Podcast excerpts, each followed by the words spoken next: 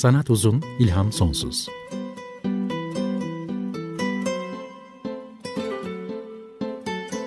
Sanat üzerine psikolojik sohbetler. Hazırlayan ve sunan Şenol Ayla.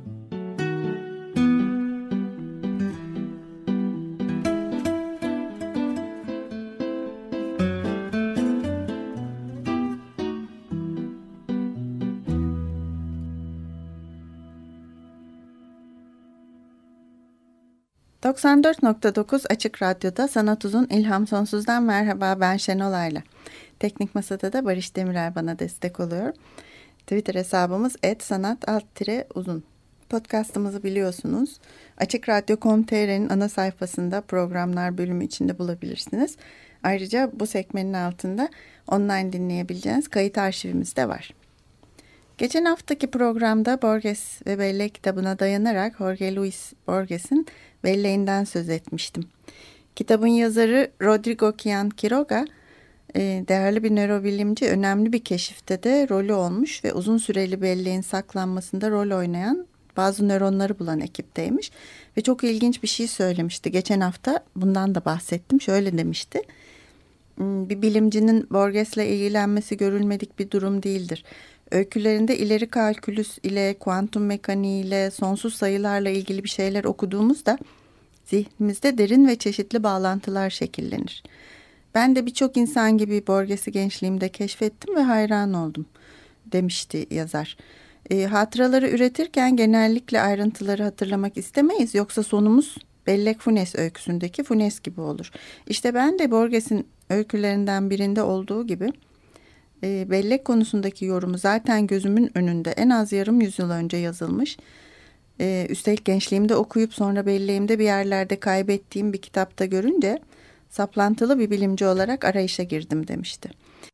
Evet Borges bilim insanlarının keşfinden 50 yıl kadar önce bir öyküsünde tam da bundan bahsetmiş. Bunları öğrenince aslında aklıma Freud geldi. E, 2004'te yaptığımız Dedik Dedik Freud programında Serol Teber anlatmıştı. Freud çalışmalarında, arayışlarında ilham almak için öncelikle bilime değil sanata ve arkeolojiye bakıyordu. E, demişti ki Serol Teber o programda hmm, Freud bir, bir mektuptan söz etmişti arkadaşına yazdığı ve e, Freud mektubu yazdığı günlerde kışkırtma teorisinden Oedipus kompleksi teorisine geçmek üzereydi. E, bu mektubun önemli, önemi çok büyük, kişisel bir mektuptu. Freud'un başı sıkıştığı zaman arkasını dayayacak bilimsel kitaplar ya da felsefe kitapları okumaktan çok sanat kitapları okuduğunu daha önce de söylemiştik demişti Serol Teber. Hmm, bu mektup da bunları doğrulayan bir nitelikte idi. E, Freud babasını yitirdikten sonra kendi analizinden elde ettiği bilgilerin sonuçlarını ortaya koymadan önce edebiyattan destek aramıştı. Ve e, bu konuda güvenebileceği en güçlü kaynak olarak da Shakespeare'e dönmüştü diye anlatmıştı. Ayrıca Shakespeare'in Hamlet'i babasının ölümünden çok kısa bir süre sonra yazdığını anımsadığında onda psikanaliz ile edebiyatın ve sanatın yakın bir işbirliği fikri daha da yoğunlaşmış. E, Freud kendini daha güçlü hissetmiş bir aşama sıçrayabilmişti bu edebiyata sırtını verme sayesinde demişti. E, Freud yazdıklarında ve diğer yapıtlarında görüldüğü gibi sanatçı her zaman bilim insanından daha önde gider. Ve gökyüzü ile yeryüzü arasında olup biteni sanatçı her zaman bilim insanından daha önce görür, bilir ve bunları bize anlatır. Ondan sonradır ki bilim bunları bazı yasallıklarla bilimsel bir peri masalı şeklinde formüle etmeye çalışır diye anlatmıştı Serol Teber. E, bu arada Not Didik Didik Freud'un kayıt arşivi de Açık Radyo'da ve podcastlerde var. Onun da linkini paylaşacağım yeniden e, Twitter'dan. E, Freud'un sanatçıların öngörüleri hakkındaki düşüncesi Borges için fazlasıyla geçerliymiş öyle anlıyorum. Belki de sanata ve sanatçılara bu kadar ilgi duyduğu içindir ki e, Freud çok sevdiği ve ilginç bulduğu bir sanatçı hakkında da geniş bir çalışma yapmış. Leonardo da Vinci. Hmm, bugün bu e, incelemesinden, çalışmasından bahsetmek istiyorum. E, Leonardo da Vinci'nin bir çocukluk anısı başlıklı bir inceleme bu. 1910'da ilk kez yazmış ve yayınlamış. Hmm, benim aldığım çeviri Cameron Shippel'ın çevirisiyle Sanat ve Sanatçılar üzerine kitabının içinde geçiyor. E, bu çalışma Leonardo da Vinci'nin bir çocukluk anısı adlı e, çalışma tarihe mal olmuş bir kişi üzerinde klinik psikanalizin uygulanmak istendiği tek çalışma değil. Ama Freud'un yaşam öyküsü alanında yaptığı hem ilk hem de tek çalışma. İlk olarak 1910'da yayımlamış bu çalışmayı ve sonra çeşitli eklemelerle genişletmeye devam etmiş. Başlığında da geçtiği gibi bir çocukluk anısı üzerine geniş bir psikanaliz çalışması da içeriyor. Ama beni daha çok ilgilendiren burada Freud'un elimizdeki tarihi kayıtlar ve günlüklerine dayanarak Leonardo'nun kişiliğine dair yaptığı çıkarımlar oldu. Bugün onlardan söz edeceğim ve hiç tanımadığımız bir Leonardo'ya bakacağız birlikte ama Freud'un gözlerinden. Bu çalışma yayımlandığında Freud'un o zamana dek yaşadıklarından daha sert bir yatsıma ile karşılanmış, çok eleştirilmiş, olumsuz eleştiriler almış. Onu da belirtmem lazım. Bunu kendisinde e, söz ettiğini söyleyebiliriz. Leonardo da Vinci e, 1452'de doğmuş, 1519'da ölmüştü. Leonardo da Vinci İtalyan Rönesansı'nın yetiştirdiği en büyük adamlardan biridir, diyor Freud. Normalde çalışmalarını hastaları konu alır ruh hekimliği diye anlatıyor Freud e, girişinde bu çalışmanın.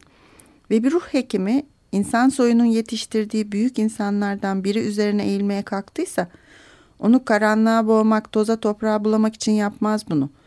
İncelemeye kalktığı seçkin kişiliklerdeki mükemmellikle sıradan kişiler arasındaki kırık döküklük arasındaki uzaklığı küçültmek ruh hekimliğine bir doyum sağlamaz. O örnek kişilerdeki bir takım dışa vurumları anlayıp kavramak için yapar bunu. Böyle diyor Freud. Kendi açıklaması da bu bu çalışmayı yapmaktaki. Yani yaptığım bu çalışma onu e, Da Vinci'de bir patoloji bulmak için değil, onu anlayıp kavramak içindir diyor. Freud'a göre Leonardo sınırları ancak sezilebilen ama saptanamayan çok yönlü bir dahi. Böyle tanımlıyor. Çağını önce sanatçı kişiliği ile etkilemiştir. Ee, sonra bilim insanı kişiliği ağır basmış. Hatta sanatçı kimliğini bastırıp önüne geçmiştir. Ee, çağdaşları onu bir bilmece gibi görmüşler ve hayranlık duymuşlar ama bir yandan da hem anlamaktan uzak kalmışlar hem belki de kıskanmışlar. Ee, Leonardo yeni bir müzik aleti yapıp ıı, Milano Dükü'nün sarayına lavtacı olarak atanmış. Ve diğer yandan da Düke inşaat ve savaş mühendisliği alanındaki becerilerinden, ötürü kendisini övmüş. Çok seçkin, fazlasıyla seçkin ve yetenekliymiş Leonardo. Evet ama diyor Freud, bunlar değildi çağdaşlarının onu anlamamalarının nedeni. Bilindik klasik dahi tiplerinden değildi. Onlar gibi doğanın kendisine dış görünüş bakımından eli sıkı davrandığı, yaşam biçimini hiç önemsemeyen, kasvetli ruh durumları olan ve insanlardan kaçan dahi tiplemesinden çok uzaktı diyor. E, Freud'un aktardığına göre Leonardo boylu posluymuş, endamlı bir vücudu, eksiksiz güzellikte donatılmış bir yüzü, olağanüstü bir fizik gücü varmış. İnsanlarla konuşmalarından büyüleyici bir etki taşarmış. Söz ustasıymış, şen ve herkese karşı nazikmiş öyle anlatıyor Freud. Bunları okuyunca şaşırdım ben. Nedense kafamdaki Leonardo da Vinci imajı soğuk, uzak, bilge ve yalnız biriydi. Bilmem sizinki nasıldı. Ee, devam ediyorum Freud'un çalışmasından. Diyor ki çevresindeki nesnelerin güzelliğine tutkundu Leonardo. Ee, görkemli giysilerden hoşlanır, e, yaşayış biçiminde inceliklere önem verirdi. İlginç bir de saptaması varmış Leonardo'nun ressamlığı heykeltıraşlıkla karşılaştırmış ve şöyle not almış heykeltıraşın çalışmasındaki güçlükten e, bahsettiği not defterine. Heykeltıraşın yüzü baştan aşağı sıvaşıktır. Mermer tozuyla pudralanmıştır. Öyle ki fırıncı sanırsınız. Yattığı yerde mermer tozundan geçilmez. Ressamda ise karşıtıdır durum. Çünkü ressam büyük bir rahatlıkla yapıtının karşısına geçer. Güzelim bir giysi giymiştir.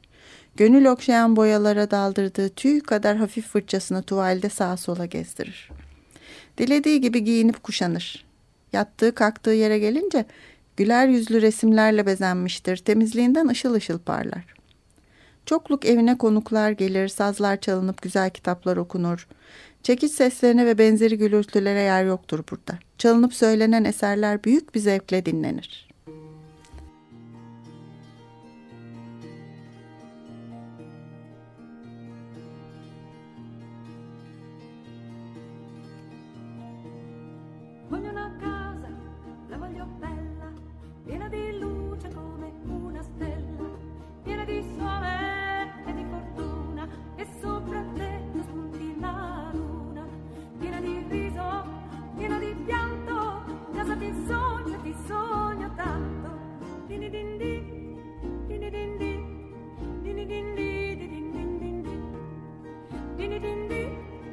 What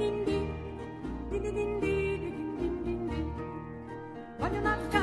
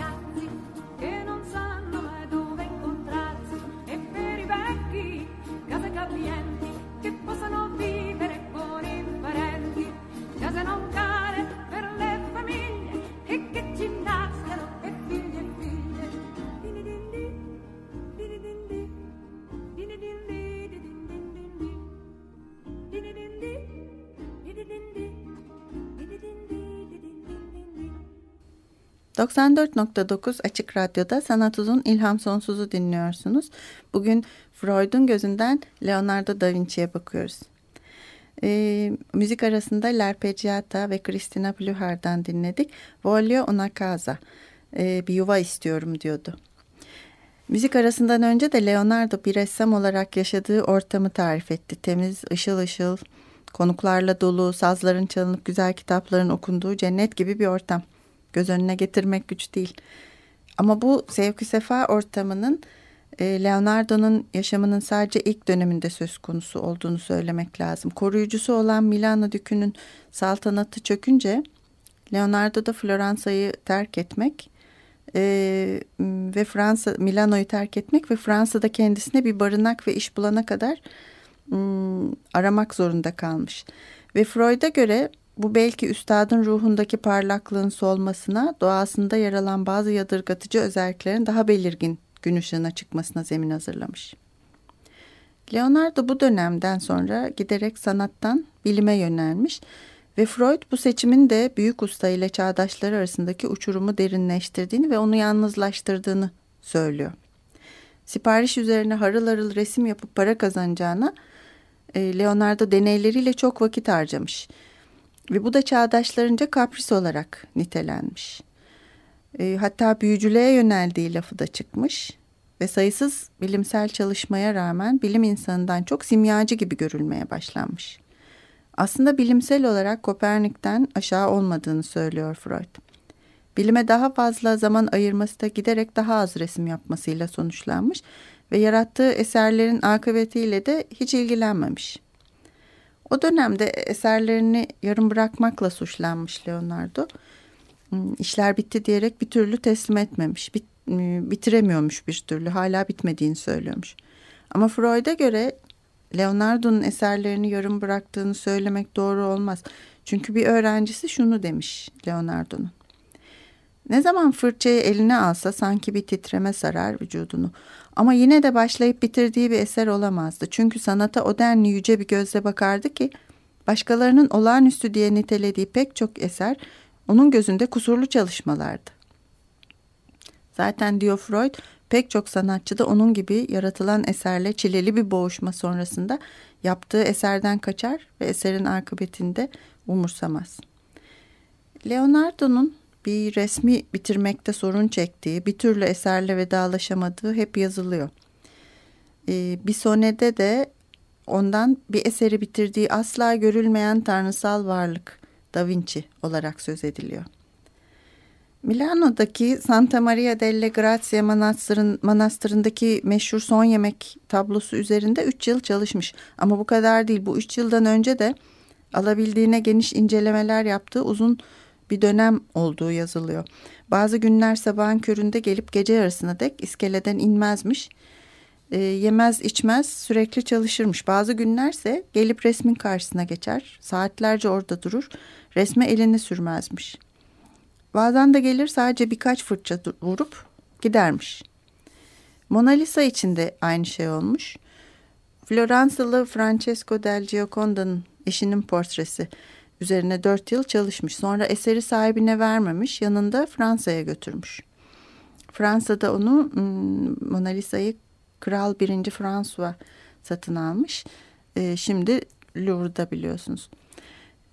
Freud Leonardo'nun herkesçe işi yarım bırakmak diye nitelenen bu yavaşlığının başka nedenleri olduğunu düşünüyor. Leonardo'nun karakterinde alışılmadık bazı özellikler ve görünür çelişkiler vardı diyor. Mesela belli bir ölçüde e, aktiflikten uzaktı ve umursamazdı. Çok aktif davranmazdı diyor. Herkesin alabildiğine geniş bir çalışma alanı ele geçirmeye çalışıp bu amaçla başkalarının üzerine bastığı her e, rekabet ortamında, saldırı ortamlarında o didişmekten kaçınır. Düşmanlığı hiç sevmezdi diye anlatıyor Freud. E, Leonardo'nun sakin ve barışsever bir karakteri varmış. E, kim olursa olsun karşısındakine her zaman yumuşak ve sevecen davranırmış. E, Freud'un anlattığına göre et yemezmiş. Pazardan kuşları satın alıp özgürlüklerini bağışlar bundan da ayrı bir zevk alırmış. Savaşı ve kan akıtmayı hiç sevmez. E, insanı hayvanlar aleminin efendisi değil yırtıcı canavarların en azgını olarak nitelermiş. Ama işte Freud'un dediği çelişkilere geldik şimdi. Diğer taraftan da bu inceliklerine rağmen idama götürülen mahkumların peşine takılıp onların korku dolu yüzlerindeki ifadeyi de defterine çizmek için çabalarmış. E, savaşa karşı imiş ama gidip kumandan Cesare Borgia'nın yanında e, orduya girip ordunun baş mühendisi ve mimar olmaktan da geri kalmamış ve orduda görev yapmış. Cesare Borgia'nın büyük zaferlerinde yanındaymış. E, bazı savaş makinesi çizimleri, planları olduğunu da biliyoruz Leonardo'nun. Ama Freud bütün bunları onun çelişki olarak değil çok normal bir şey olarak yaşadığını söylüyor. Bunun açıklamasını da Freud'un çalışmasında daha sonra görebiliyoruz. E, Leonardo'nun cinsel soğukluğa örnek gösterilebilecek biri olduğunu söylüyor Freud. Cinsel konulara değinmekten de onlar üzerine çalışmaktan da kaçınıyormuş Leonardo. Aslında tutkusuz biri değildir diyor Freud. Ama düşünceleri ve aklı her zaman duygularının önüne geçmiştir. Ee, sanatçı ve bilim insanı olarak taşıdığı çifte kişilikten kaynaklanır bu diyor Freud. Bir şeyi sevmek ya da nefret etmek için önce iyiden iyi araştırıp anlamayı bilmeyi gerekli görüyormuş Leonardo. Ee, iç yüzünü doğru dürüst bilmediği sürece kişinin ne bir şeyi sevmeye ne de ondan nefret etmeye hakkı vardır diye de yazmış Leonardo defterlerini. O nedenle diyor Freud, duygularını dizginleyip araştırma içgüdüsünün egemenliği altına ver, vermiştir Leonardo. İçindeyi, içindeki tutkuyu bilme tutkusuna dönüştürmüştür. Ancak tutkulardan kaynaklanacak bir direniş, kararlılık ve yoğunlukla kendisini incelemeye, bilime ve araştırmalara vermiştir. E, Freud incelemesinde e, bunun doğru bir şey olmadığını da ekliyor. Diyor ki sevgi böyle akıl süzgecinden geçirilecek bir şey değildir aslında. Siz de biliyorsunuz diyor. İnsanlar iç tepsel yollardan severler. ve sevgileri akıl değil duygusal nedenlere dayanır. Bilmekle hiç alıp vereceği yoktur sevginin. Hmm, akıl süzgecinden geçirme, düşünüp taşınmalar olsa olsa sevgiyi güçsüzleştirir diyor Freud. Leonardo da sevgiyi aklıyla tartmaya kalkışınca sevginin gücü kaybolmuştur diye yazıyor. Freud böyle diyorken biz de halk arasında aşk bu ota da konar başka şeye de konar diyoruz. E, Freud Leonardo da Vinci'nin bir çocukluk anısı adlı çalışmasında bu çocukluk anısının psikanalitik yorumuna ve Leonardo'nun cinsel yönelimine de geniş yer vermiş. Bu söz konusu anı aslında Freud'un çalışmasının büyük kısmını oluşturan çocukluk anısı e, Leonardo'nun çocukluğuna dair kendi aktardığı, hatırladığı ve bizim de bildiğimiz iki tek anıdan biri. Henüz beşikte yatan bir bebek olduğu döneme ait bir anıdır bu. Ve bilimsel notlarından birinde e, Akbaba'nın uçuşuna dair bir not yazarken birden bu anıyı aktarmaya başlıyor Leonardo. Şöyle anıda. Sanırım Akbaba ile bu kadar enine boyuna uğraşacağım belirlenmiş önceden. Çünkü bir ana olarak belleğimde canlandığına göre küçükken beşikte yatıyordum.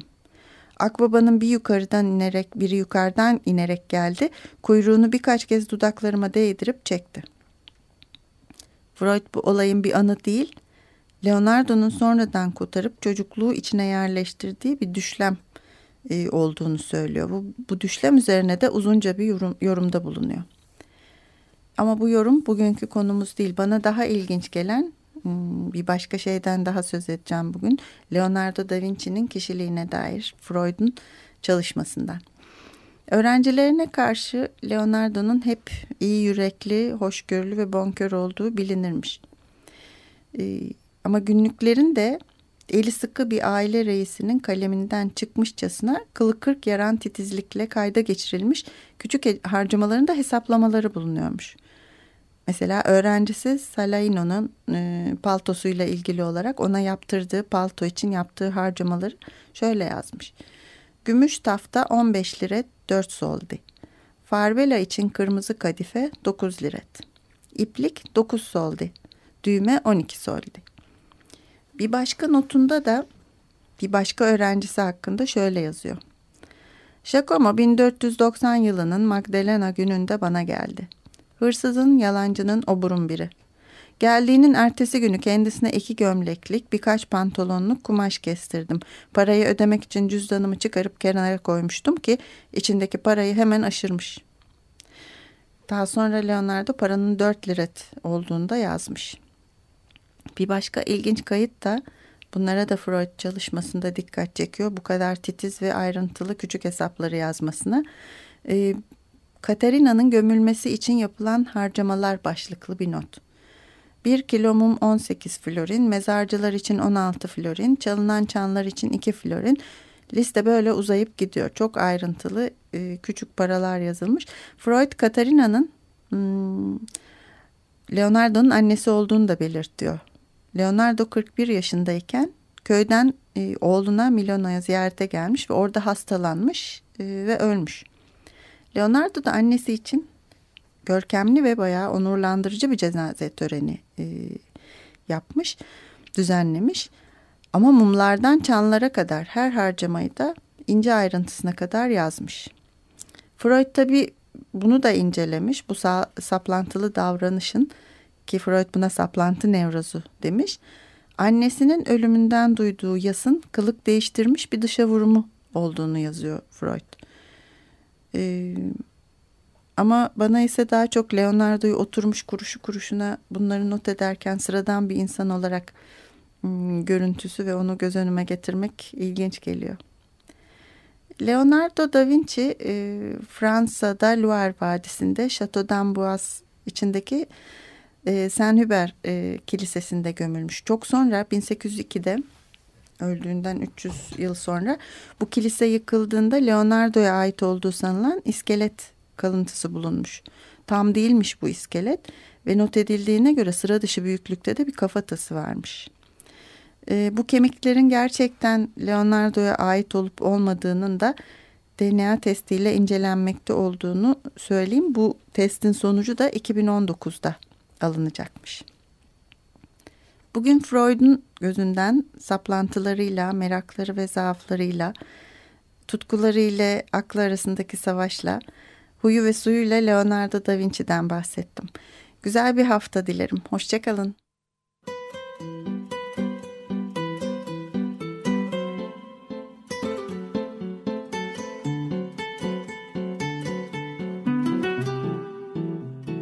Sanat uzun, ilham sonsuz.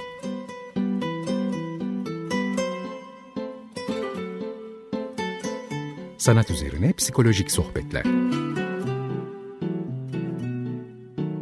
Hazırlayan ve sunan Şenol Ayla.